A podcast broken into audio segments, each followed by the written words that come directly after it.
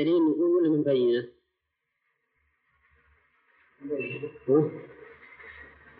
من بينة نعم لأن النبي عليه الصلاة والسلام يقول البينة على المدعي البينة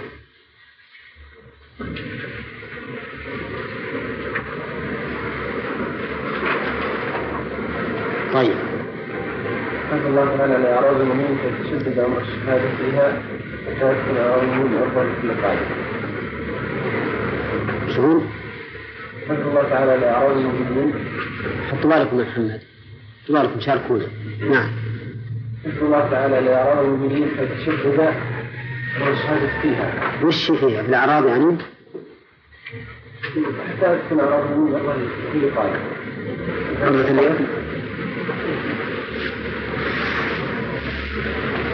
إن كان طيب واحد من يتهم واحد من.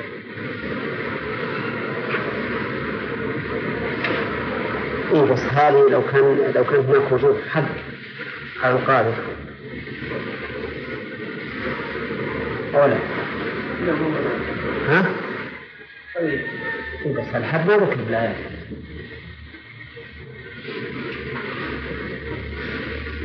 فيها الفائدة؟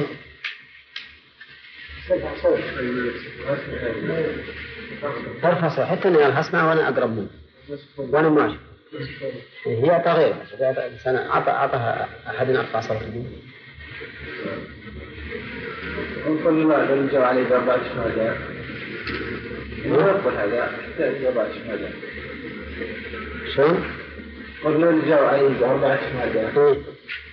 ما يقبل هذا الدعوة هذه الدعوة ما تقبل إلا بأربع شهور خلاف غيرها من الدعاوى إيه لكن حتى لا تكون عرضة لكل قادر. هذه هل يقول هكذا؟ أو كما يقول الله الأعراب بكونه جعل الشهادة فيها أو جعل طريقة ثبوتها أربعة شهور نعم لو أوجب الحد على القاذف قلنا حتى لا تكون عرضة لكل قاذف يعني لو كان وجوب الحد على القاذف من هذه الآيات ولا عاد الله أوجبه ما فيها شك. طيب إذا حماية الله الأعراض حيث جعل البينة على الزنا أربعة رجال. أربعة رجال. طيب يلا. أن القاذف لا بد أن يأتي بأربعة شهداء ولا يكون بكذب. زين صح. وقولك أولئك عند الله هم الكاذبون. طيب. أما العصبة لم يأتوا بأربعة شهداء. حق عليهم حد. قوله فإن لم يأتوا بالشهداء وأنهم كاذبون بدعواهم طيب. قلت هل ثبت عليهم الحد؟ حق عليهم. ما ما ما نقول حق عليهم الحد؟ يعني ما في آية أنهم حدوا. أما العصبة لم يأتوا بأربعة شهداء وقوله فإن لم يأتوا بالشهداء وأنهم كاذبون بدعواهم زين. طيب. نعم. أنها القاضي أن يطبق الأحكام الشرعية على المتخاصمين ويحكم بمقتضاها وليس عليه أن يتبع الواقع وينفذ عنه. وقوله تعالى عند الله.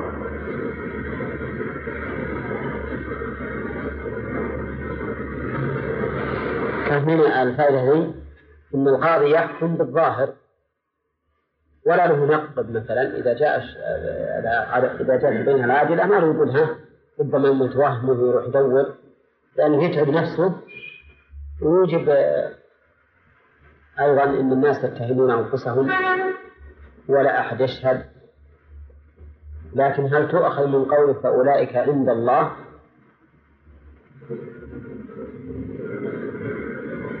من هذه الكلمة ها؟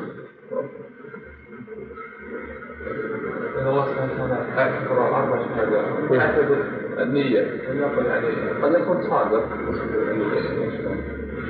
إذا نقول لولا جاءوا عليه بعد هذا الدليل تؤخذ من قوله لولا جاءوا عليه بأربعة شهداء فإن ظاهر أنهم لو أتوا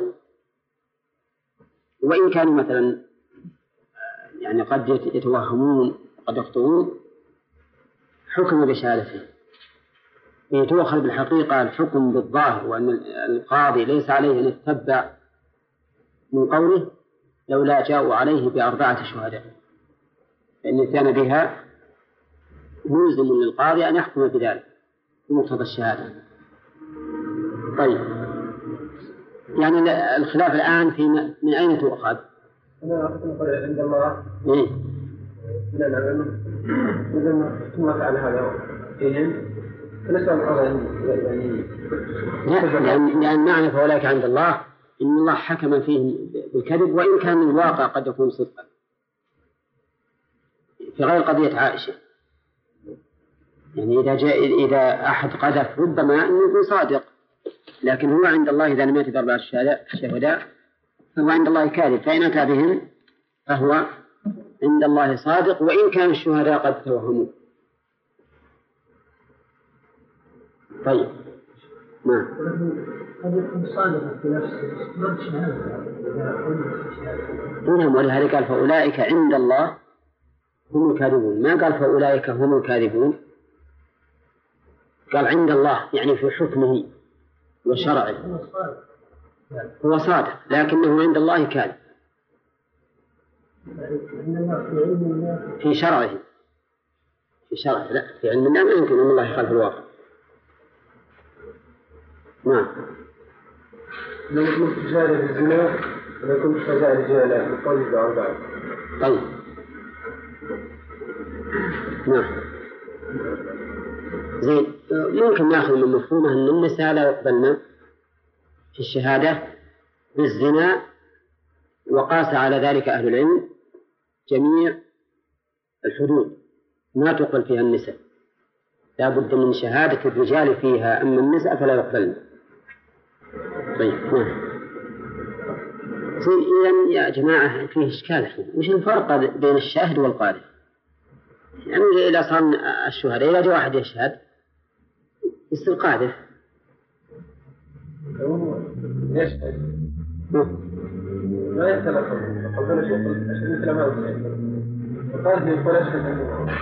لا الشاهد لا بد يقول أشهد بأنه زنى بها وأني رأيت ذكره في فرجه. ما يكفي بعد أنه زنى بها.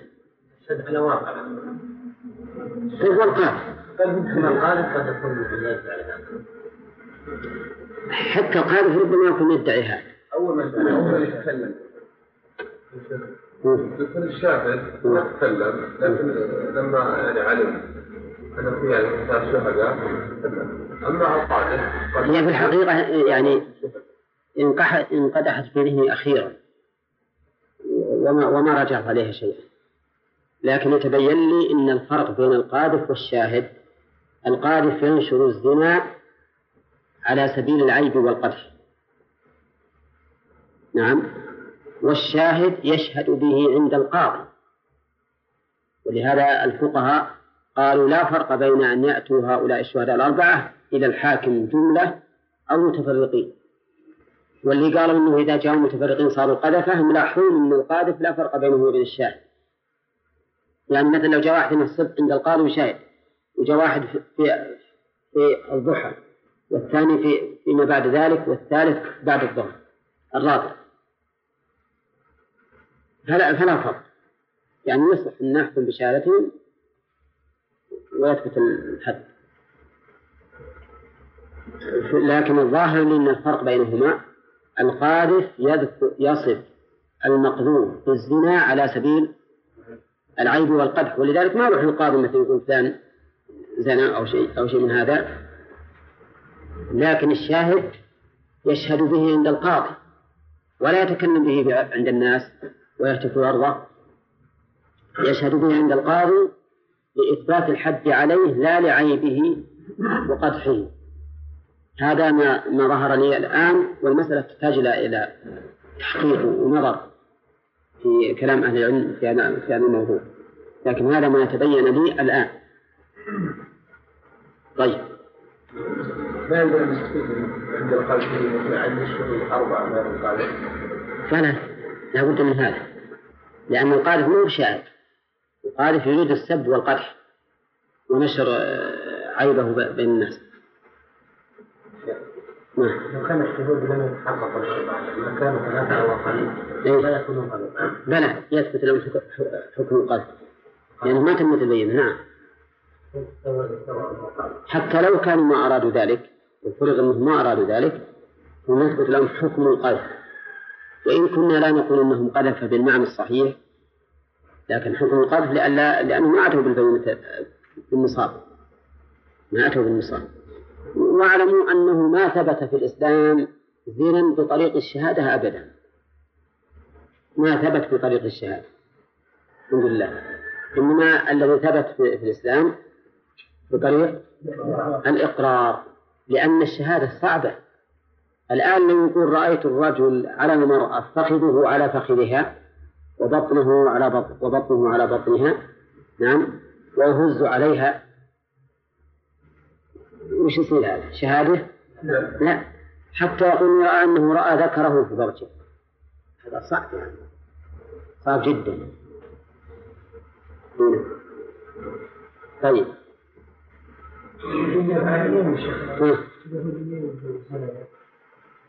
ثابت عنده مين؟ أقول ثابت عنده لا ما ما هو بالظاهر. أقول ليس هو الظاهر لأن الرسول عليه الصلاة والسلام ما ذهب يستثبت الحكم؟ لأنه ثابت عنده. إلا أنهم أعطوه الحكم يعني ثابت عندهم بطرقهم هم. لكنهم بس كان عندهم الحكم أنه تسود وجوههم وأنه يمشى بهم في في الأسواق على حمار. فظنوا أن الرسول صلى الله عليه وسلم عنده حكم أهون من هذا. وهم عارفين مخالفين الشريعة شريعته هذا أسهل. ففي الشرع ما تعرض النبي عليه الصلاة والسلام لإثباته. لأنه ثابت عندنا. شو محمد؟ من الآن قوله لولا سمعتموه لولا جاء عليه. نعم. يعني مقياسين مقياس من الأخبار مقياس معنوي مقياس المعنوي مقياس الإيمان. القلم.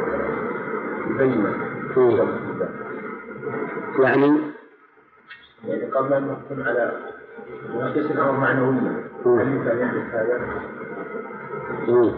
ثم بعد ذلك إذا حصل نقول يبين مم. لا هذه هذه مشكلة في غير مثلا من برأه الله غير أم- أمهات المؤمنين ما نقدر نقيس لأننا لو مثلا قذف إنسان معروف بالعدالة والصلاح والاستقامة ها؟ يمكن ما نظن أن هذا صحيح. فهل نقول إن ما نقبل هذا؟ مشكلة. يعني يكون صحيح إن, في هذا دليل على أن القرائن لها تأثير. لو لولا- لولا سمعتوه ظن المؤمنون الناس أنفسهم خيرا. هذا يدل على أن القرائن لها تأثير في, الأحكام. وأن الإنسان يجب عليه أنه يبني ظنه على على قرائن على القرائن. يكون الشخص أهلا لذلك أو ليس بأهل. وأظن هذه مكتوبة في في فوائد الآية. مكتوبة في فوائد الآية الأولى. أولى ما إن الإنسان لا بأس أن يبني ظنه على القرائن. ويحكم بالظن بحسب القرائن. دون هذه أظن. مكتوبة. ها؟ مكتوبة. والله مو معك كم قال تعالى ولولا فضل الله عليكم ورحمته في الدنيا والآخرة لمسكم فيما أفضتم فيه عذاب عظيم. طيب ما نأخذ من الآية؟ أولئك عند الله هم الكاذبون. عظم آه، الزنا. أو أو حماية الله سبحانه وتعالى لأعراض لأعراض المؤمنين لأنه قال هم الكاذبون كأنه ما حد يكذب غيرهم حصر الكذب فيهم وإن كان الحصر هنا إضافي إضافيا لأن فيهم يكذب غيره لكن كونه جعلهم هم الكاذبون يدل على عظم هذا الأمر وأنه لا أحد أكذب ممن رمى محصنا شو في الزنا فيستفاد من ذلك عظم هذه الفرية. عظم فرية القذف بالزنا. وإن كانت واقعة كقوله هم كاذبون حيث حصل الكذب فيهم فكأنه لا أحد يكذب سوى هؤلاء. سوى هؤلاء والحصر إضافي يعني فيه كثير كثير غيره. هنا. إثبات صفات الله تعالى الواردة. ولا لفظ الله؟ نعم. الواردة في هذه الآية فضل الله ورحمته. أن الله تعالى وتوبته ورحمته. آه، ولا لفظ الله فضل الله ورحمته. مش الآية ولا لفظ الله عليكم ورحمته؟ ولولا فضل الله عليكم ورحمته في الدنيا والآخرة لمسكم فيما أخذتم فيه عذاب عظيم. طيب نعم. فيه إثبات صفات الله تعالى الواردة في هذه الآية. فضل الله ورحمته طيب صحيح أن الله تعالى قد يجعل من الموانع ما يمنع ما يمنع حصول الشيء ولو انعقدت أسبابه. أن ذنوب لأن أسباب المس مس العذاب العظيم موجودة والموانع وش مانع لهذا؟ فضل الله ورحمته نعم. ففي هذا دليل على أن الأسباب قد يحصل لها من الموانع ما يمنع تأثيرها. هنا أن ذنوب المؤمنين تحت مشيئة الله تعالى إن لم يتوبوا منها حيث علق الله تعالى في هذه الآية صرف العذاب عنهم على على فضله ورحمته به. طيب. أن المؤمنين كما تشملهم رحمة الله تعالى في الدنيا فكذلك في الآخرة. من قوله في الدنيا والآخرة بخلاف الكافر.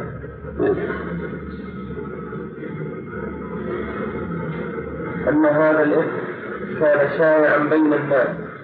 فقدتم فيه. وذلك بسبب ترويج المنافقين. نعم. يصير فيها أيضا في الآية بيان منة الله سبحانه وتعالى على المؤمنين وبيان منة غير إثبات الفضل والرحمة. يعني إثبات الفضل والرحمة هو أننا أثبتناها أثبتناهما صفتين من صفات الله. لكن منة الله بذلك على العباد هذا شيء آخر. هو يستفاد منه عظم منة الله سبحانه وتعالى على العباد حيث يتفضل عليهم ويرحمهم بدفع العذاب المستحقين له. بدفع العذاب المستحقين له.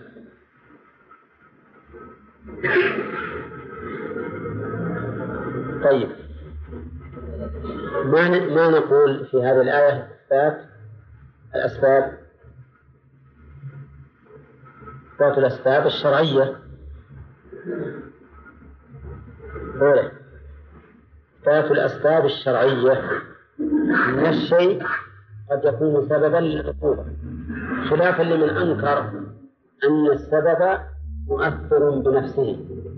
وقد مر علينا أن بعض الأشاعرة ينكرون أن يكون السبب مؤثرا بنفسه حتى إنهم قالوا إن إحراق إحراق ال- النار لما تحرق ليس ليس بالنار. وإنما يحصل الإحراق عنده لا به هم موافقين على هذا. طيب.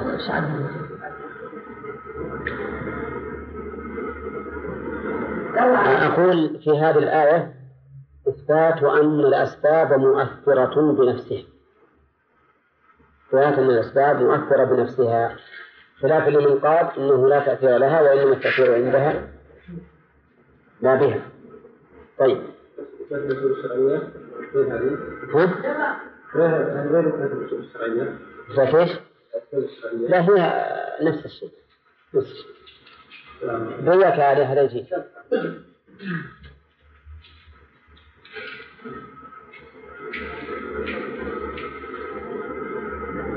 طيب. نقول أن مجرد إشاعة هذه الأحاديث يمكن الله عز وجل سبب يعني؟ لا يمكن لأن الله جعلها سببا لولا الفضل والرحمة. إيه. أن إشاعة هتك الأعراض أعراض المؤمنين سبب وعود. وأي شيء قلنا أيضا أن شيوع المعصية بين الناس سبب للعقوبة العامة وقوله لمسكم فيما أفضتم فيه عذاب عظيم. شاعة المعاصي بين الناس سبب العقوبة العامة. أيضا فيه إثبات أن الجزاء من جنس العمل. لقوله فيما أفضتم فيه لأن فيه للسببية هنا. السببية عن منكم نسبح بينها الجماعة هذا مسؤولية الإنسان يتحدث به وأنه لا بد أن يحفظ لسانه. وقوله يتلقونه بأسنانه طيب ما يمكن نأخذ من قوله عذاب عظيم. تفاضل العقوبة. تفاضل العقوبة من بعض العقوبات أعظم من بعض. حسب الفعل حسب عظم الفعل. تفاضل العقوبات في العقوبة حسب تفاضل الأعمال. حسب تفاضل الأعمال. طيب.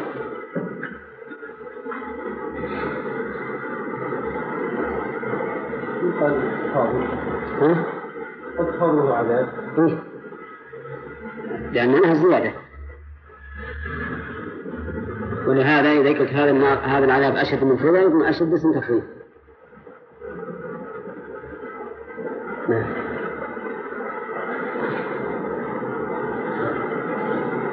تفاضل أو تفاضل في العذاب أو تفاوت كل واحد. التفاضل ممكن هذا أفضل من هذا لأنه العذاب ما فيه. لا أفضل. صيغة تفضيل اسم تفضيل أشد.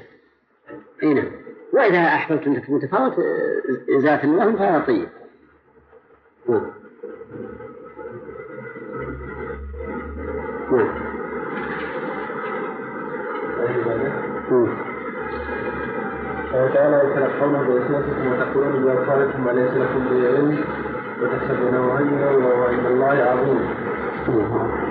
أيضا مسؤولية الإنسان ما يتحدث به وأنه لا بد أن يحفظ بألسنتكم. نعم إن نظرة الإنسان قاصرة ولذلك لا بد أن يقيم حكمة على الأمور بالأدلة الشرعية. لأن الله تعالى هو المحيط علمه بكل شيء ولا يحسبونه هينا وهو عند الله عظيم. لا مو بلا يعني هذه تعدل. نكتب عليها تعدل. ولا استفهام ولا شيء. هذه فيها نظر. شوف الجماعة الفائدة ونشوف مطابقة الآية. اقرأ. إن نظرة الإنسان قاصرة. صحيح. هذا صحيح. لكن نشوف البقية. لذلك لا بد أن على الأمور بالأدلة الشرعية. لا. لأن الله تعالى هو المحيط علمه بكل شيء بكل شيء. ولا يحسبونه هينا وهو عند الله عظيم. هذه صحيح. أن نظرة الإنسان قاصرة من قوله. وتحسبونه هينا وهو عند الله عظيم حيث ظن الشيء العظيم هينا. هذا لا شك إنه من قصور النظر. والجملة اللي اللي بين الطرفين هذه ما لها داعي. نعم. غير الله تعالى غير الله تعالى على غير نبيه والمؤمنين وقوله هو عند الله عظيم. طيب صح أن الإنسان لا يعلم بجهله في الابتداء على حكم الخلق بقول تحسبونه هينا. شلون؟ أن الإنسان لا يدر بجهله في الابتداء على حكم الخلق بقول تحسبونه هينا. يحسبه هين ولم يدر إذا ما نقول لا يدعو بإتباعه نعم. على حقوق الخلق. ولو ظن أن الأمر سهل ولو ظن أن الأمر سهل طيب.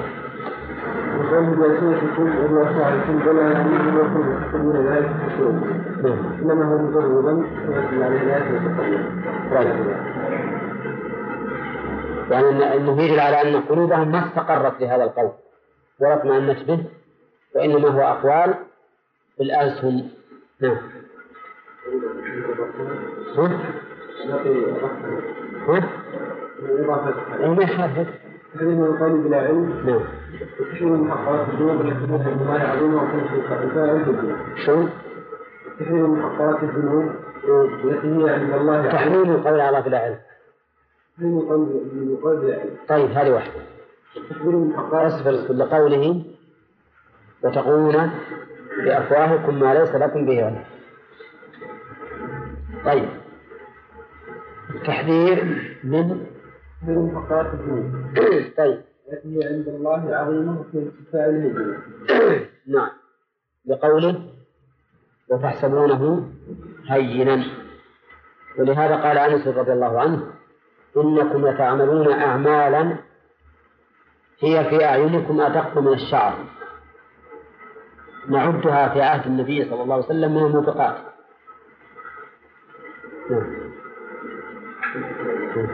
خلاص في الآيات ها؟ قال تعالى؟ نعم عظم شأن النبي صلى الله عليه وسلم وأزواجه أي نعم صح زين عظم شأن النبي صلى الله عليه وسلم حيث كان ما تكلم به الناس في في شأن عائشة عند الله؟ عظيم نعم. هذه الآية إثبات العلم علم خاص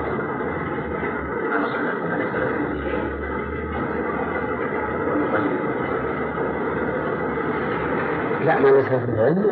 هو على تحريم القول بلا علم. من يبدأ العلم؟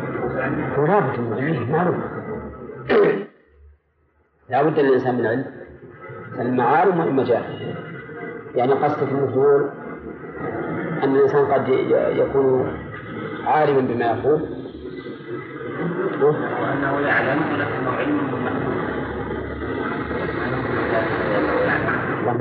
يمكن يحدث يمكن يحدث لأن العلم في هذه الحالة قد يدل على العلم في حال أخرى. يمكن يدل على هذا. هل يصح أن نقول أن الإنسان محاسب على ما يقول وإن كان لا يستحق ذلك؟ إيه يمكن إذا كان في ذلك إضرار بالغير ها؟ الإنسان يحاسب على ما يقوله في غيره مما يقدح في غيره وإن كان هو لا يعتقده بل هذا يصير أشد وأشد أنه يجمع بين أنه يقول شيئا يعتقد بالكذب وأيضا يسيء إلى غيره.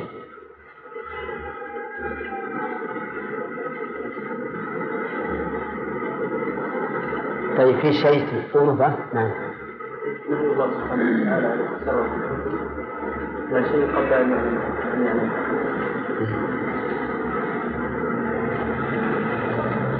طيب يعني تحريم تصرف الأحكام على الأمور قبل العلم بها. هذا ما يؤخذ من من قولنا تحريم القول بلا علم. ها؟ ها؟ هذا مكتوب. الحق ما في فوائد.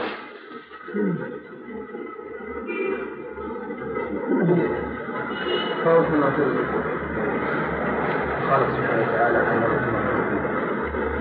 عند هذا المخلوقين أي ومن الله يعلم. هذا ما- يصلح لأنه قد يكون عند عند الناس لو تبصروا لكان عظيما. يعني لو أنهم تبصروا في الأمر مثل ما قال في أول الآية لولا سمعتموه ظن في أنفسهم خيرا لعرفوا أنه عظيم. يعني في هذا الحديث قصور من من في تفكير الإنسان. وهذا ممكن لأنه موجود في أول في أحد الفوائد قصور علم الإنسان حيث يظن ما ليس عظيما. ما كان عظيما يظنه هينا. نعم. في عندي تحريم لا علم حول قوة زين. ما حاجة إن نصعد ها؟ صحيح. هو هي داخلة في قولنا تحريم التحريم تحريم القول بلا علم. هذا يشمل الفتوى والحكم والشهادة. والأخبار الشائعة. الإنسان ما يقول إلا بعلم. ومثل ما قلت تحريم فتوى المقلد معروف أنه حرام لأنها بلا علم. لكن إذا اضطر الناس ولم يجدوا إلا مقلدا فماذا يصنعون؟ استفتاء المقلد خير من تستفتي إنسان جاهل ما عنده إلمام بالعلم أبدا. يعني ولا بعلوم الناس. هذا يصير مجتهد في مذهبه. وأيما أولى لك إنك تجيب واحد مثل قاعد بالسوق عام ما يعرف اللي يسد الناس. وإنسان ملتزم محافظ لكنه مخلد. أي بنفسك أقرب إلى الصواب؟ طيب إذا ما وجدنا إلا مقلد في المجتمع وش نسوي؟ نقول لا تستفتون الناس. ها؟ نخلي هؤلاء الجهال يفتي بعضهم بعض. ما في شك أن المقلد خير من إنسان عام. إذا لم يكن سواه الله يقول فمن اضطر غير باغ ولا عاد فلا إثم عليه. نعم.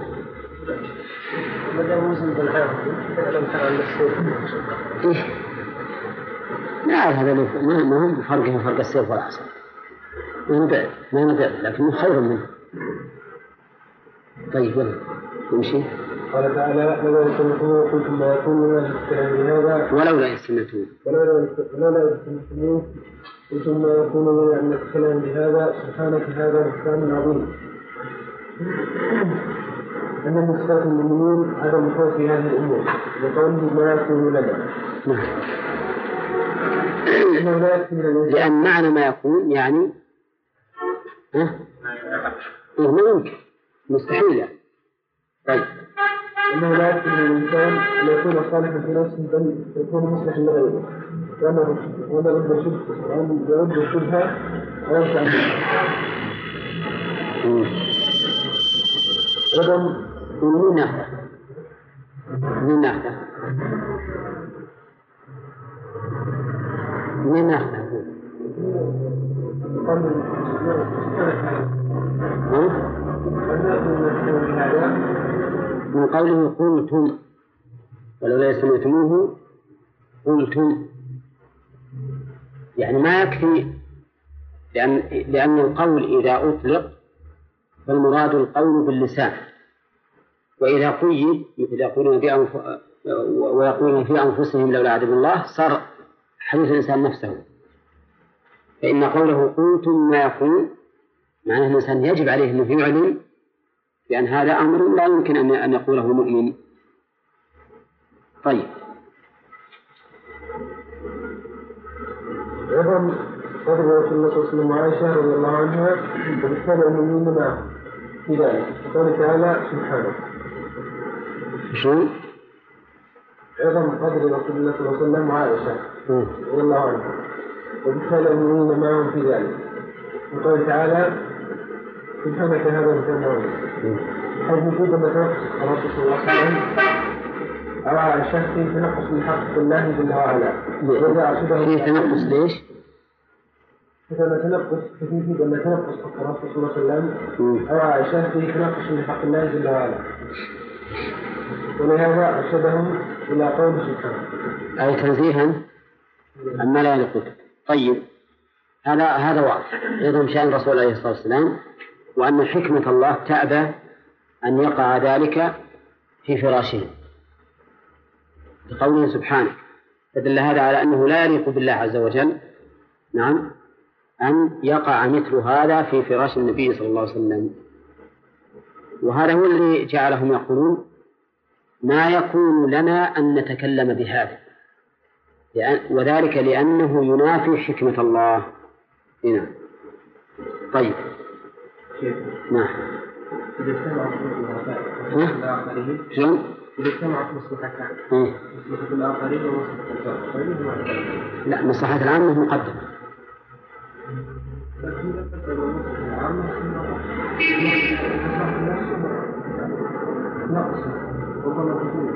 هو بالنسبة لنفسه هو يعني يعمل ما يصلحه ويصلح لا لكن إذا أردنا أن نراعي نحن المصالح اللي نتولى الأمور إذا أردنا أن نراعي المصالح نقدم المصالح العامة. حتى في الشرع وفي القدر. في الشرع وفي القدر تقدم المصالح العامة. ولهذا الزاني نجلده ونرجمه لنموت للمصلحة العامة. وإلا فمن مصلحته نعرض عليه التوبة ونلاحظ نعم. المطر ينزل وربما يفسد بعض المزارع. التي لا تناسب لا يتناسب معها المطر ولكنه المصلحة العامة نزل.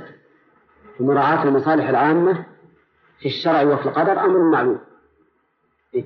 أما عاد بنفس الإنسان هل يقدم مصلحة نفسه على مصلحة غيره؟ يعني في أمر ليس من باب الولاية والتدبير فهذا يرجع إلى إلى إلى القواعد الشرعية في ذلك. فالرسول عليه الصلاة والسلام يقول ابدأ بنفسك ثم بمن تعول وأحيانا قد يجب على الإنسان أن يقدم مصلحة المصلحة العامة على مصلحة نفسه. نعم. كما في المبارزة وفي المفادات وما أشبه ذلك. مثل ما حصل الرجل المؤمن الذي قال للملك إن كنت تريد أن تقتلني فخذ سهما من كنانتي ثم آه، ارمني به. وقل باسم ربي هذا الغلام. هذا يريد يقتل نفسه لكن لمصلحة لمصلحة الدين. هنا طيب. نكمل الآية هذه عشان نعم.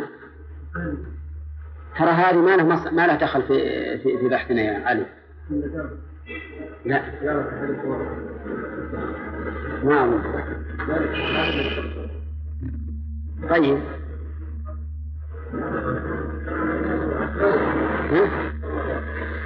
ما قال مراعاة المصلحة العامة قال قال إن أيضا أيضا من حق النبي عليه الصلاة والسلام وعائشة حيث إن هذا الشيء ها؟ هذا؟ إيه؟ قبل أمس مكتوبة قبل أمس أجل ما شاء الله مثل المعارف قال ومن بالشام عقب سنة كاملة ها؟ طيب. ما هذا لا بأس. على كل حال عرفت الآن. بالنسبة للتدبير والولاية الإنسان الولي على أمر يجب عليه أن يلاحظ المصلحة العامة ويقدمها على مصلحة الفرد وبالنسبة لمعاملة الإنسان نفسه نفسه بذاتها فهذا حسب ما تقتضيه الأدلة الشرعية. قد يكون الإنسان مأمور بتقييم نفسه كما لو كان عنده طعام وعنده عشرة جياع وهو جائع. ينقل عطولة جسمه بينهم أنت مت من الجوع يقول لا ابدأ بنفسك وأحيانا كما لا تقدم المصلحة العامة. ينبغي أن تراعى المصالح العامة. وهو إنسان قال يريد أن يصلي في هذا المسجد. يصلي في هذا المسجد. قال لك صلي في هذا المسجد. يعني إماما؟ نعم المصلحة العامة. لكن إذا صليت أنقطع مثلا عن غرض العلم أصبح إمامة إمامة الناس في إمامة الناس في المسجد. مصلحة لكن يقوم غيرك مقامه. يقوم غيرك مقامه. لين تتعين فيك؟ لو فرضنا أن تتعين فيك صار فرض كفاية. لكن يوجد من يكون في المسجد. فهنا ما في أصلا ما ما هنا تعارض يقول طلب العلم أولى لأن المسجد مو ضايع إلى ما إلى ما صرت ممنوع. نعم. نكمل الآية هذه لأن الوقت انتهى. ينبغي للمسلم أن يسبح الله تعالى عندما يسمع ما اتصل له به. عندما يرد على ذهنه أو يسمع. كله. عندما يسمع أو يرد على ذهنه ما يقتضي آه انتقاص الله عز وجل. فينبغي أن يسبح الله حتى يزول ما في نفسه. نعم. أن العبادة في مقام وقتها قد تتنقل من كافر ويشغل وقته بقوله سبحانه. لا لا تتسهل إيه وش تقولها؟ الحمد هنا التسبيح لم يقل الحمد لله انما لأن مقام التسبيح في اخر صح الحمد لله ما هو مناسب اطلاقا ليس بعباده قضى ان يكون كذلك وإن جاء من الكلمة فأقل من التسبيح لا بغل الكلمة فأقل من التسبيح كيف انت لو قلت إنه يذكر في كل مقام ما يناسبه؟ لكن هذه سليمة. لكن تبي تقول إن التسبيح هنا أفضل من الحمد؟ منه ما هو مقام حمد حتى يحصل التنازع بين التسبيح والحمد نقول هذا أفضل. انما نعم يقال في وصف الله سبحانه وتعالى أو أو ذكره إنه ينبغي أن يذكر في كل محل ما يناسبه. فعندما يكون الأمر يقتضي انتقاصا لله عز وجل نأتي بالتسبيح وعندما يكون الأمر موجبا الله ورحمته ناتي بالحمد وعندما يكون الأمر آه، ربما الإنسان يشعر في نفسه بعلم نأتي بالتكبير. ولهذا كان الصحابة إذا عالوا نسبا كبروا وإذا نزلوا واديا سبحوا. والمناسبة واضحة الإنسان عندما يعلو يشهد نفسه بالكبرياء فيكبر الله. وعندما يهبط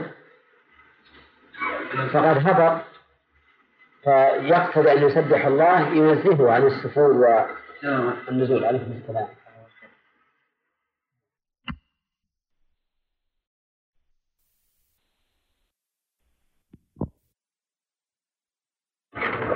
وعندنا عموم لا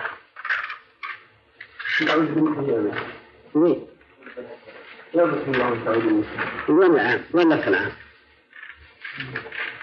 مطلقا لا تعود ما ما تستطيعها ما عندك عليها إشارة؟ ما فيها إشارة عندك؟ ها؟ إيش تقول في هذه؟ هل فيها لفظ عام بحيث مثلا نقول نضرب بعموم اللفظ ولا السبب؟ ها؟ إيه نعم فيها التحذير من أن يقع مثل هذا في المؤمنين. تحذير المؤمنين أن يقع مثل منهم مثل هذا العمل. طيب. من الأمور التي الله تعالى امور اليه هذه الايمان قال تعالى ان كنتم مؤمنين لا لأن الوقوع في مثل هذا ينافي الإيمان.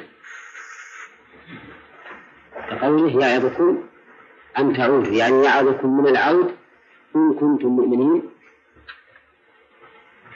نعم. فالوقوع مثل في مثل هذه الأمور ينافي الإيمان. طيب. نعم. الإيمان مثل ما قال الله إن كنتم مؤمنين.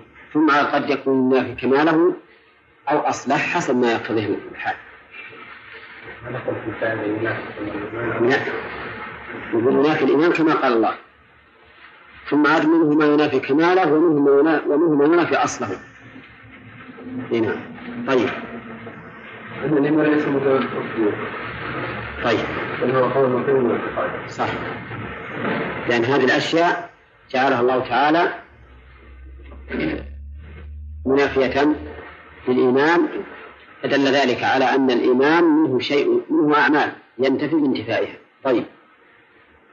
فيها القياس وقد فيه عن هذا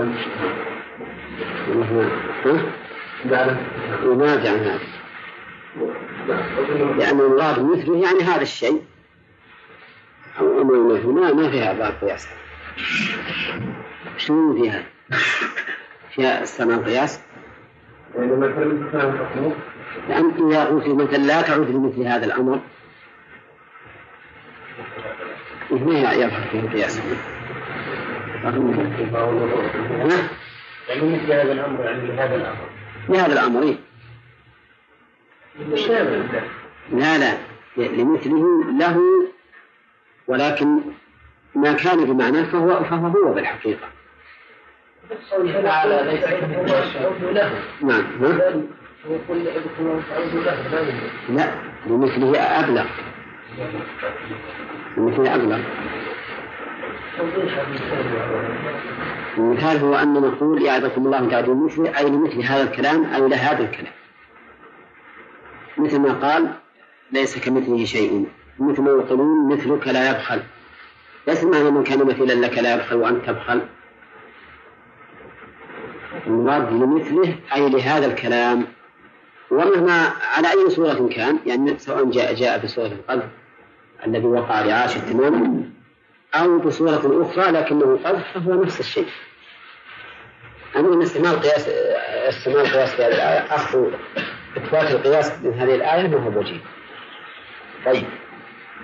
خلاص؟ نعم في دليل أن لا ينفق الموعظة إلا المؤمن صحيح وأنه صحيح فيه دليل على أن الإيمان لا ينتفع بالمواعظ إلا المؤمنين إلا المؤمنون. لقوله يعظكم إن كنتم مؤمنين. فالمؤمن هو الذي ينتفع بالموعظة أما غيره فإنه لا ينتفع طيب. الله وتعالى وفضله على المؤمنين حيث بنوا لهم أي نعم يعني رحمة الله بالمؤمنين حيث يحذرهم عن الأشياء التي تضرهم وتنافي إيمانهم. فإن لا شك أن اللي يعظك ويرشدك وينصحك إنه له فضل عليه. ففيه فضل الله تعالى ورحمته بالعباد حيث كان سبحانه وتعالى يعظهم عما يضرهم وينافي إيمانهم. طيب طيب هات الآية اللي بعدها ليش شيء؟ ها؟ يا رسول الله. نعم نعم. ولا شيء مثبت الله؟ فإثبات يعني أن الله تعالى يرشد الخلق ويعظهم ففيها مثلا ما يدل على الهادي الذي سبحانه وتعالى هو الهادي الذي يهدي ويعظ هذه فعل من أفعال البشر إلا أن الله واعظ. أن الله تعالى يعظ عبادة بينفعهم يعظ الله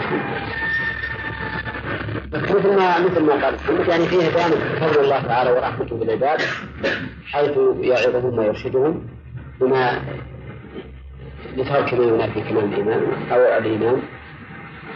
إثبات اسم الله سبحانه وتعالى ما يجوز إثبات الاسم من مجرد الفعل. ولهذا ما يمكن نثبت أن الله ماكر من قوله ويمكن ويمكن الله. فما جاء بصيغه الفعل يبقى على الفعل وما جاء بص- بصيغه الاسم هو الذي يمكن أن يؤخذ منه الفعل فالسميع يمكن يحتمل تكون لا يسمع. في شيء بعد؟ طيب. قال تعالى وضم الله آيات الله عليم حكيم.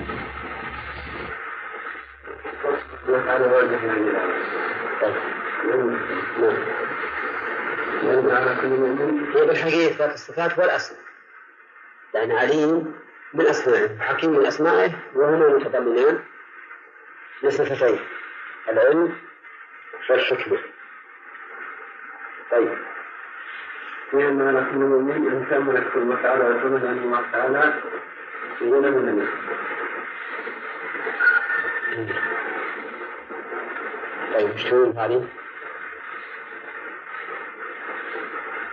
يقول لكم إيه؟ يعني آه، بيان أنه ينبغي للمؤمن إذا خفي عليه شيء أن يتأمل لأن الآيات مبينة وظاهرة فمثلا إذا خفي عليك حكم شيء من كتاب الله فأعد النظر لأن الله قال يبين الله لكم فالآيات مبينات وخفاؤها على الإنسان في بعض الأحيان يدل على قصوره إما في العلم أو الفهم أو التدبر. نعم. إن الله تعالى في هذه الآية ليس مجرد الحكم مع عائشة رضي الله عنها بل الإنسان تحول فيها ليعمل بها طيب. إيه صحيح. صلى الله تعالى على عباده بين الآية الصادرة عن علم والحكمة طيب. صحيح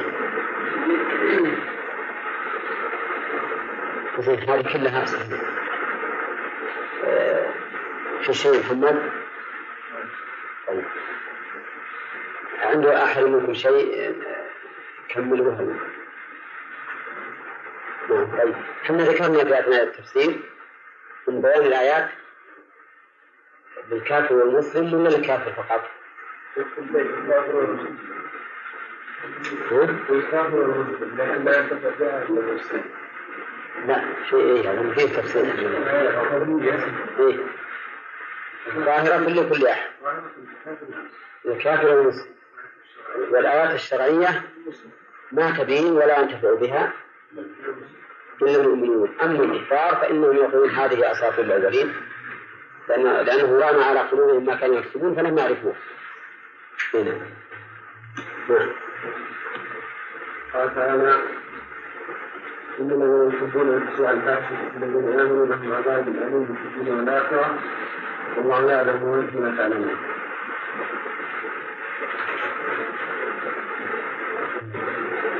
وأن خطب الذكور على المؤمنين في قوله تعالى إن الذين جاءوا بالنفس ولو نحبهم الرسول صلى الله عليه وسلم أنه النساء والذين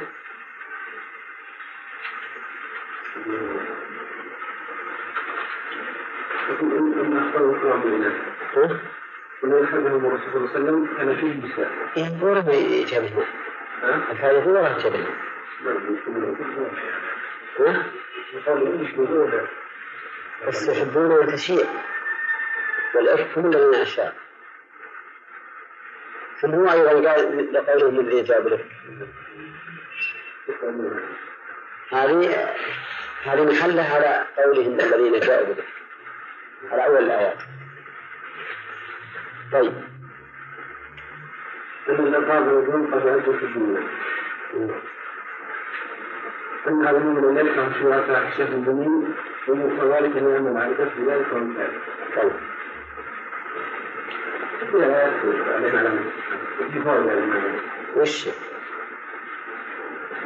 ونقول لا بد من حضور من الحديث ما قرأت نشوف نشوف طيب ومع المؤمنين المؤمن لا بد من حضور من الحديث لا بد فيه يعني آه، الحرف بقولك لا بد يعني عليه أن يحب.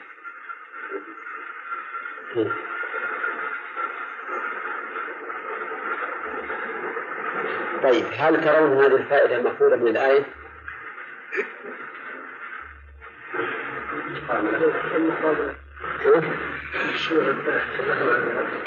نفهم. نقول اللي ما يحب الشيء الفاحشة يهاجر هذا المقابل. لو قال إن الذين يحبون الشيء الفاحشة هم الفاسقون مثلا أو هم الكافرون. هذا شيء مقابل بالإيمان. نعم.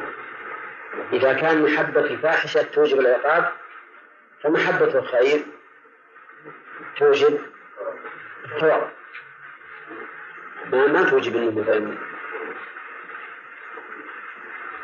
يصير مؤمنا وما اشبه ذلك هذا وجه علامة الاستفهام. مع أن التعبير لابد الأولى أن يقال عليه. طيب. إذا نقول الأولى أن يقال أن محبة الخير للمسلمين ودفع ودفع الضرر أو الفواحش عنهم. فيه ثواب فيه ثواب ويمكن ناخذ هذا من قول الرسول صلى الله عليه وسلم وفي بضع أحدكم صدقة. قالوا أياتي أحدنا شركة ويكون له في أجر. قال أرأيتم لو ورع في الحرام أكن عليه وزر؟ فكذلك إذا ورع في الحلال كان له أجر. يعني يؤخذ القياس من, من العكس. إذا كان في محبة الفاحشة عذاب عظيم ففي كراهة شيوع الفاحشة ثواب طيب. لا عليه؟ من عليه عليه أحسن من من لابد لكن حتى الفائدة كلها برمته هذه ضعيفة.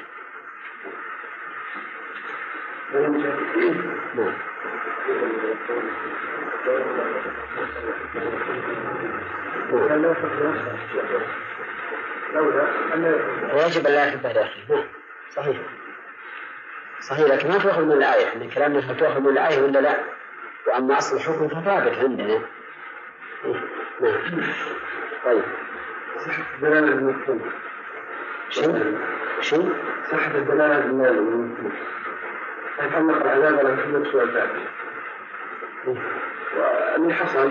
ولكن يعني شيء شو الفاتحة وكذلك يعني مشاهدة مثل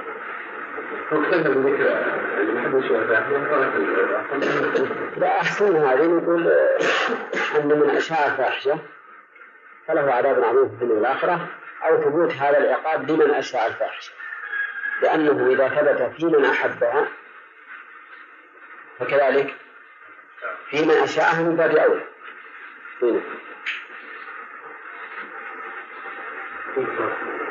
خلاص؟ بل ما فيها التحذير من محبة إشاعة الفواحش. ها؟ إيه؟ تحذير. لأن ليس المقصود من هذا إخبار أنهم يعذبون بل المقصود من ذلك التحذير.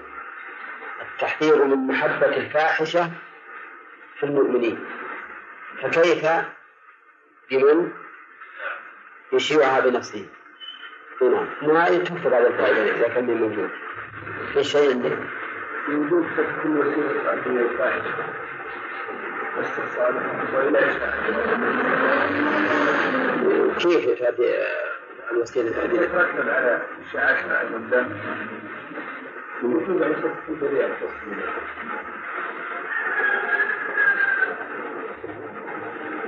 لأن معنى إشاعة الفاحشة مو معنى إشاعة فعله إشاعة الظاهر معنى إشاعة الفاحشة يعني نشر خبر. أولا يعني ممكن هل نجدد لنا فهما جديدا الآية؟ وأن أن تشيع الفاحشة يعني أن تنتشر ينتشر فعلها يعني لا خبره. ها؟ إذا كان من الآية تحتمل هذا المعنى فما ذكرت صحيح. من الآن؟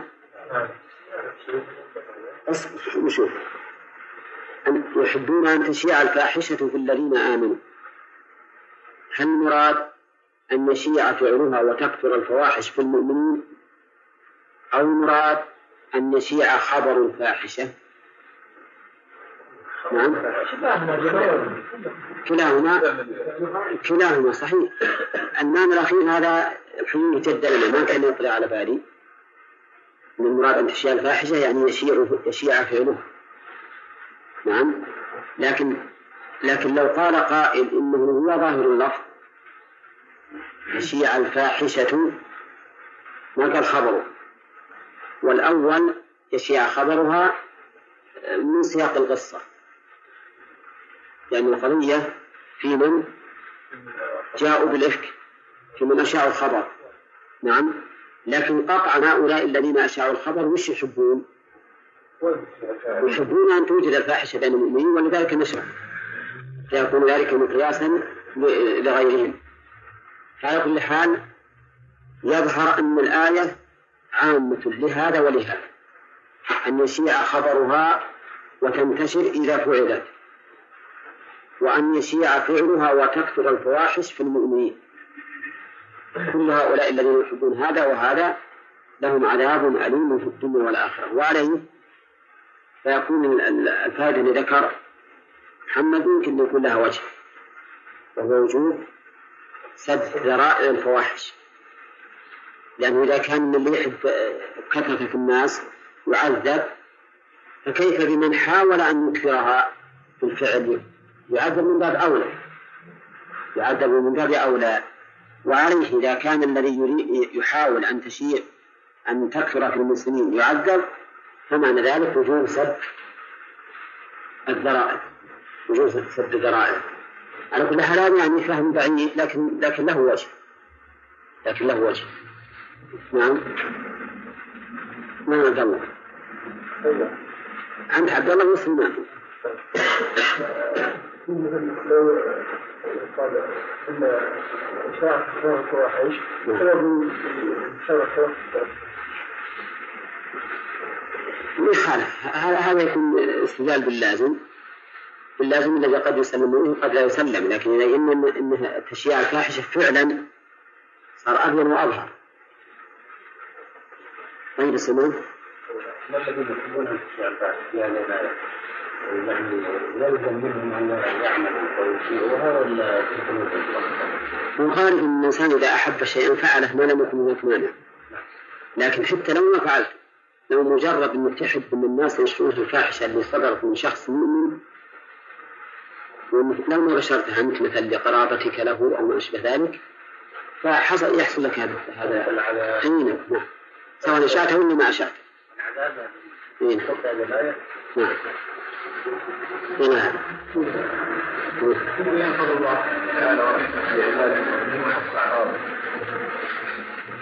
حماية الله يعني؟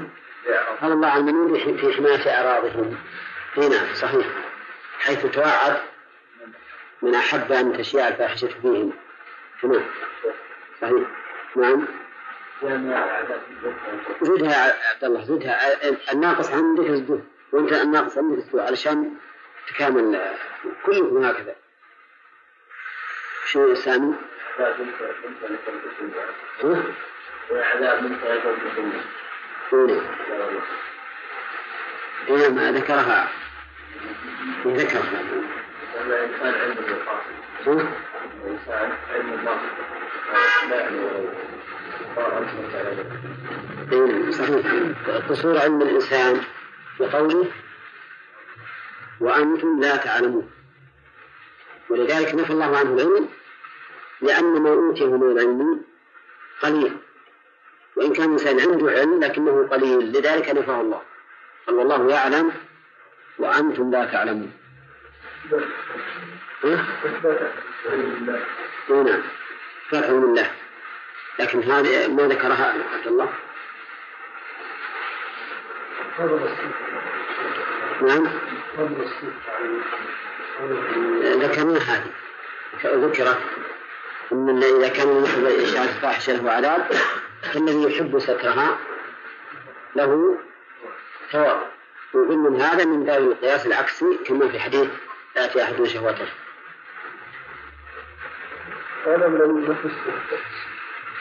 لا ما في السر لكن أي عذاب يتعذب به الإنسان لا. لأن حتى القلب ما يثبت مجرد المحبة.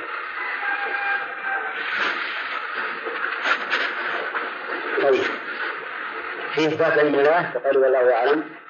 وحصول علم المخلوق كقوله وأنتم لا تعلمون. العذاب على حسب الجرم. إيه؟ لا عذاب الآخرة مثل ما قال أشد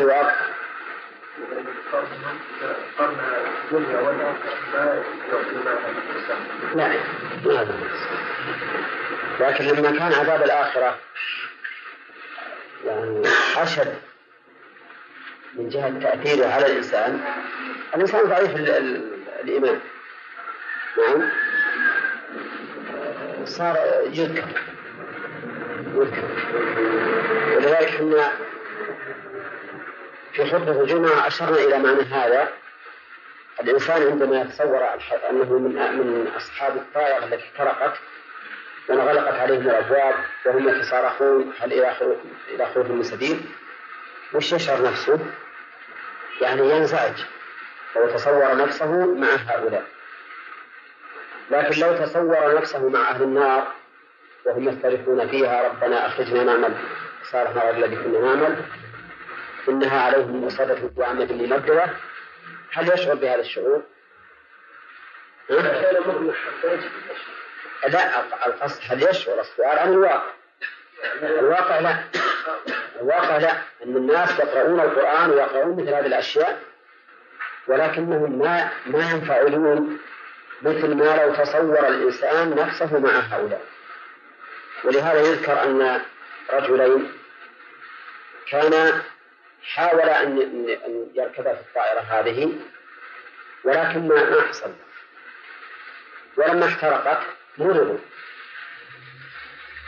لأنهم انزعجوا حيث تصوروا أن أنفسهم لو كانوا مع هؤلاء إذا احترقوا فانحطت قواهم فأنا أقول أن المؤمن يجب أن يكون شعوره بعذاب الآخرة أشد من شعوره بعذاب الدنيا لكن لضعف إيماننا أصلنا نشعر بعذاب الدنيا أكثر مما نشعر بعذاب الآخرة. هنا ولهذا الله يذكر عذاب الدنيا لأنه مباشر للإنسان وهو الذي يمكن يؤثر عليه أكثر مع ضعف إيمانه. أما المؤمن حقيقة فإنه يشعر بعذاب الآخرة أكثر. إن عذاب ربك لواقع ما له من دافع. كان عمر رضي الله عنه إذا قرأه مرض حتى يعاد الله الله يرحمه نعم. قال تعالى ساقط نسقط عند عندك محمد؟ لكن ذاك بالنية مع الأول. اي طيب عطنا فوائد. كيف وصول رد الأمور كلها إلى الله بدون ما توفقنا فيها؟ لا هذه ما تؤخذ من الآية. تؤخذ من قوله والله يعلم. وأنتم لا تعلمون. ولعلك أخطأ منها. لأنه مدمجة عندك إيه؟ هذه تؤخذ نعم صحيح تؤخذ من قوله والله يعلم وأنتم لا تعلمون وجوب رد الأشياء إلى الله. علمها وعلم حكمها أيضا. في علمها وحكمها. طيب. في أن التوبة وإقامة الحدود من أسباب رحمة تعالى وفضل يمكن تؤخذ هذه من الله لكم رحمته وأنا الله غفور رحيم بعد أن ذكر العقاب على من أحب الفاحشة إشارة إلى أن هذا العذاب على من أحب الفاحشة من رأفة الله ورحمته هنا. نعم. وفيها أيضا إثبات هذين الاسمين وما تضمنه من صفة. وأن الله رؤوف رحيم. وإثبات فضل الفضل إثبات الفضل والرحمة. ولولا فضل الله عليكم ورحمته. نعم. طيب. في شيء هذه محمد؟ سلام. يعني نفهم هذه الآية أن الإنسان لو توفر فقصر لها يحصل لها لو توفرت الأسباب قد يحصل ما مثلا توفرت أسباب العذاب ولكن من فضل الله هذه الحقيقة ما في مناسبة هذه مناسبة من قوله ولا رضي الله لكم ورحمته في الدنيا والآخرة لمسكم فيما أفضتم عذاب عظيم هذه وسبق ذكر هذا الباب. لا هنا بارك الله فيك يبين ولولا فضلكم ورحمته وأن الله غفور رحيم يعني ما حصل لكم هذا البيان وهذا الوعيد لأن هذا الوعيد وهذا البيان من فضل الله لنحذر حتى لا نقع في هذه الأمور. لكن فضل الله ورحمته الذي في هذه الآية مو معناه انتفاء العذاب بل معناه بيان. أن من أحب الفاحشة ولهذا ذكرت بعده فله عذاب أليم. فهذا البيان الذي يقتضي من المؤمن أن يحذر هذا من فضل الله ورحمته. ولهذا قال وأن الله رؤوف رحيم. وهذا يناسب آه، هذا البيان. نعم. طيب خلاص؟ اقرأ الآية عندك. اي نعم. هذا من نعمة الله. أن الله يبين للعباد أسباب الشر ويحذرهم منه يعني ما يكلوا بأنفسهم بل هو سبحانه وتعالى يتولى بيان ذلك بفضل ورحمته نعم. وفي أيضا أنه ينبغي ذكر الحوافز اللي هو اللي ذكر علي أشار إليه علي.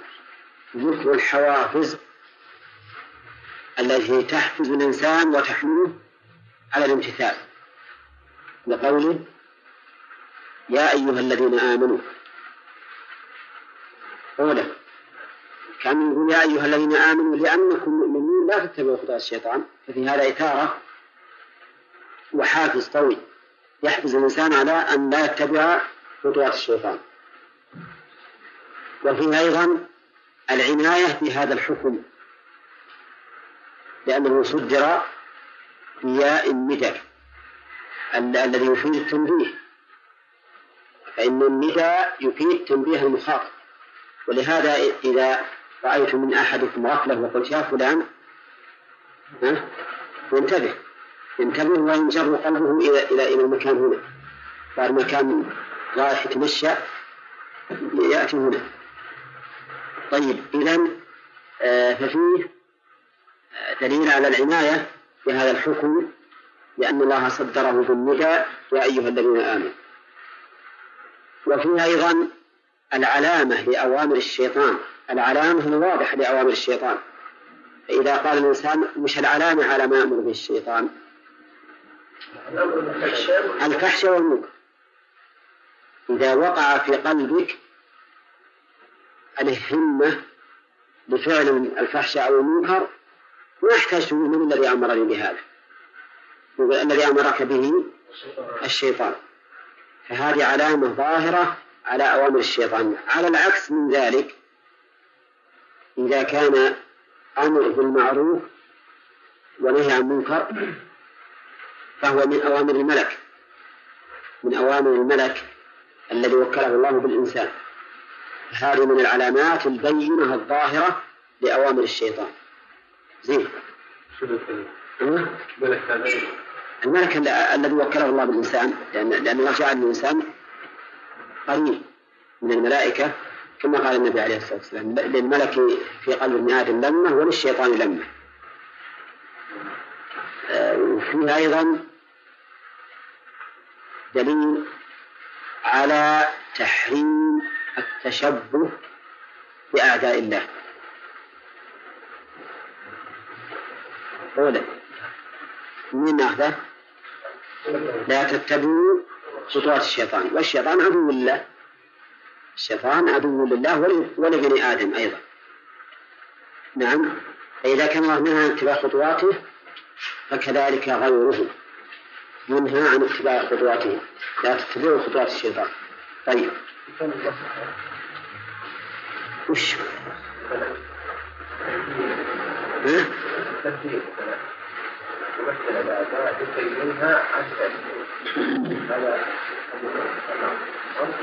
ما فهمت يعني إيش؟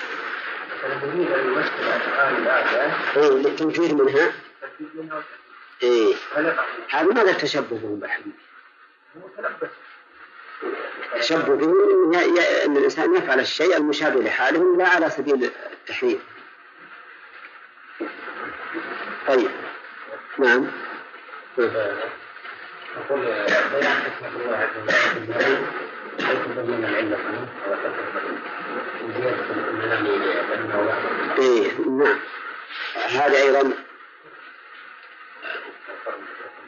يعني حكمة الله أو فضل الله تعالى حيث يقرن الأحكام بعلتها. حيث يذكر الأحكام يقرن الأحكام بعلتها لأن لا تتبع خطأ الشيطان هذا حكم. علة النهي فإنه يأمر بالفحشاء والمنكر. هنا. ففيه بيان فضل الله بيان فضل الله تعالى وحكمته حيث يقرن الأحكام بعللها. وقد سبق أن ذكر الأحكام بعللها قرن الأحكام بعللها له فوائد. هي نعم. وكيف معرفة المحذور من الإنسان في في الحكم ويعرف نفسه. معرفة أسرار الشريعة. وكمالها طيب. أي ونعم وإثبات أو تعدي هذا الحكم زين فيه بيان أن الإنسان يضعف وينقص ممكن يعني نأخذه من وجه بعيد. منين؟ كونهم مؤمنين وقال لا تتبعوا لا لا لا مو منهج مو منهج لأنه قد ينهى عن الاتباع عن استمرار في الاتباع أو عن فعله وإن لم يفعله إنسان لأن لا تتبع كذا ليس معنى أنك أنت الآن واقع. قد ينهى عنك تحذر أن تقع. لكن في من جهة خطوات الشيطان. يمكن يؤخذ من خطوات الشيطان. لأن خطوات الشيطان خطوة بعد خطوة. فإذا أخذ الإنسان خطوة مو مثل إذا أخذ خطوتين. ليس كما إذا أخذ خطوتين. هذا يمكن. هنا وأيضا من قوله بالفحشاء والمنكر يؤخذ منها. أن أظن قلنا لك اليوم تفاضل الأعمال في القبح. وعيت علينا. ثبوت بدل تفاضل. تفاوت. نعم. تفاوت الأعمال بالقبح لأنه قال الفحشاء والمنكر. والأصل في العطف. مغاير إيه طيب. زين الآن فاتك كم من فوائد؟ كم من فائدة؟ عدة فوائد الآن. ويبدو أنك في آخر الأمر يمكن أنك جعت ولا جاك النوم. شنو؟ وفي محل؟ لا عنده أظن كراس وكذا ولا بعلة الحقيقة. قول إن الواحد ما عنده محل ترى هذا لا لا أنت قلت والله أنا راح أدور وقف أكتفي بما, بما ذكرت هذا غلط. نعم. طيب يلا في شيء علي؟ بالنفس إذا لم يشغلها الإنسان بالخير فنفسه تبين طيب أنه لم يشغل إذا لم يشغل الإنسان نفسه بالخير جاء الشيطان الإنسان يعني ثم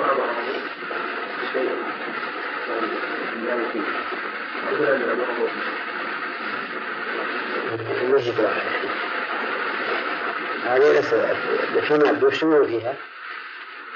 صحيح بس لا من صحيحة ولا تؤخر وتجيب لك كل أحكام الدنيا وتقول تؤخذ من الآية هنا لكن ما نعرف من حكم هو مأخوذ من الآية كلام على ما يؤخذ من الآية ولا تحملون شيء ما تحمل ولا تنقصون شيء تعلمون من تحمله طيب ما يقال فيه بيان آه، عداوة شدة عداوة الإنسان الشيطان للإنسان حيث يأمره بالفحشاء والمنكر. ما يأمر بخير أبدا. ويمكن يستعمل بهذه الفائدة عن عن الذي أراد.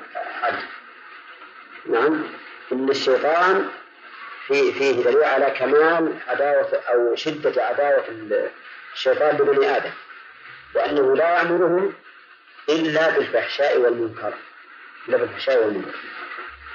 واضح؟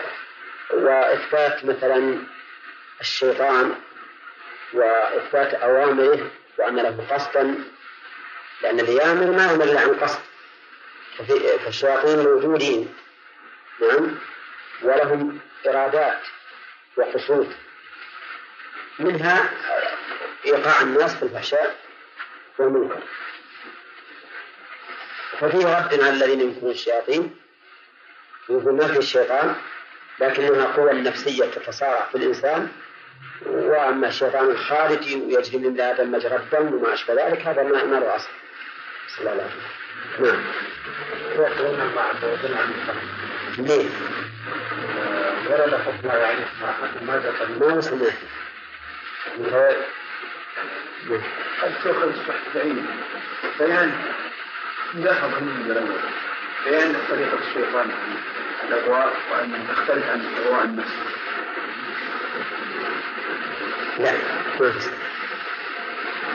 في لأن النفس الله أكبر أنها تأمر بالسوء أيضا. لكن النفس الشيطان تعدد سبله وخطواته لأن فيها النفس الأمارة هذه تتابع الشيطان. توافق الشيطان فيما تأمر به ولا نكمل.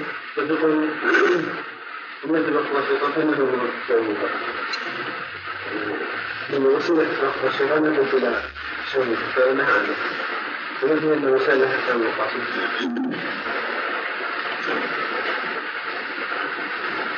لا لأن خطوة الشيطان أصلا كل الشر. طيب.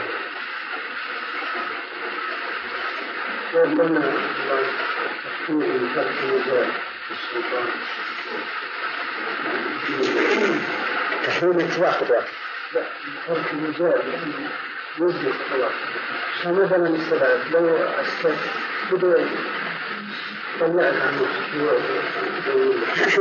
وانت مسكت لكن لا اشتغلت هذا القراءة تصرف من القراءة قد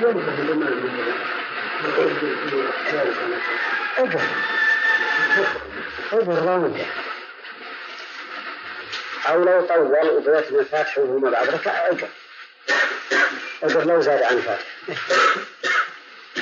وهذه لن تقول أم لن تقول هي التي حام حولها علي لكن الظاهر إحنا أعطيناكم بذلك فائدة تأخذ نصف كلامكم. زين. نعم. إيه؟ ان الذي يتبع خطوات الشيطان قد لا يرضى لا لا ما يصح اللي يتبع خطوات الشيطان يفعل مثله. يكون ضعيف النفس وانت تقول قد لا يأمر. لا قد يأمر. لأن اللي يتبع خطوات الشيطان والشيطان يأمر بالفحشاء والمنكر وش يسوون؟ مثله ولهذا المفسر كما مر علينا جعل قوله فإنه أي المتبع. فإنه أي المتبع. ما أدري أنتم على ذكر منها ولا راحت في طي النسيان. ها؟ وبينا ذاك أنا ذاك بأن هذا التفسير خطأ. لأن الله يقول الشيطان يعرفكم الفقر ويأمركم بالفحشاء. الآمر بالفحشاء والمنكر هو الشيطان لكن من اتبع خطواته فلا بد أن يعمل عمله. يأمر بالفحشاء والمنكر. نعم.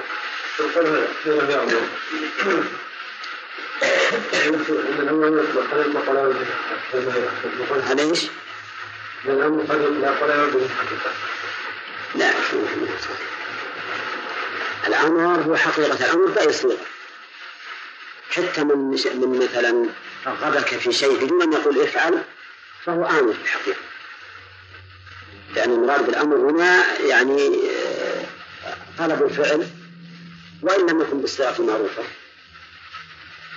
بتزكيته. زين. وأيضا من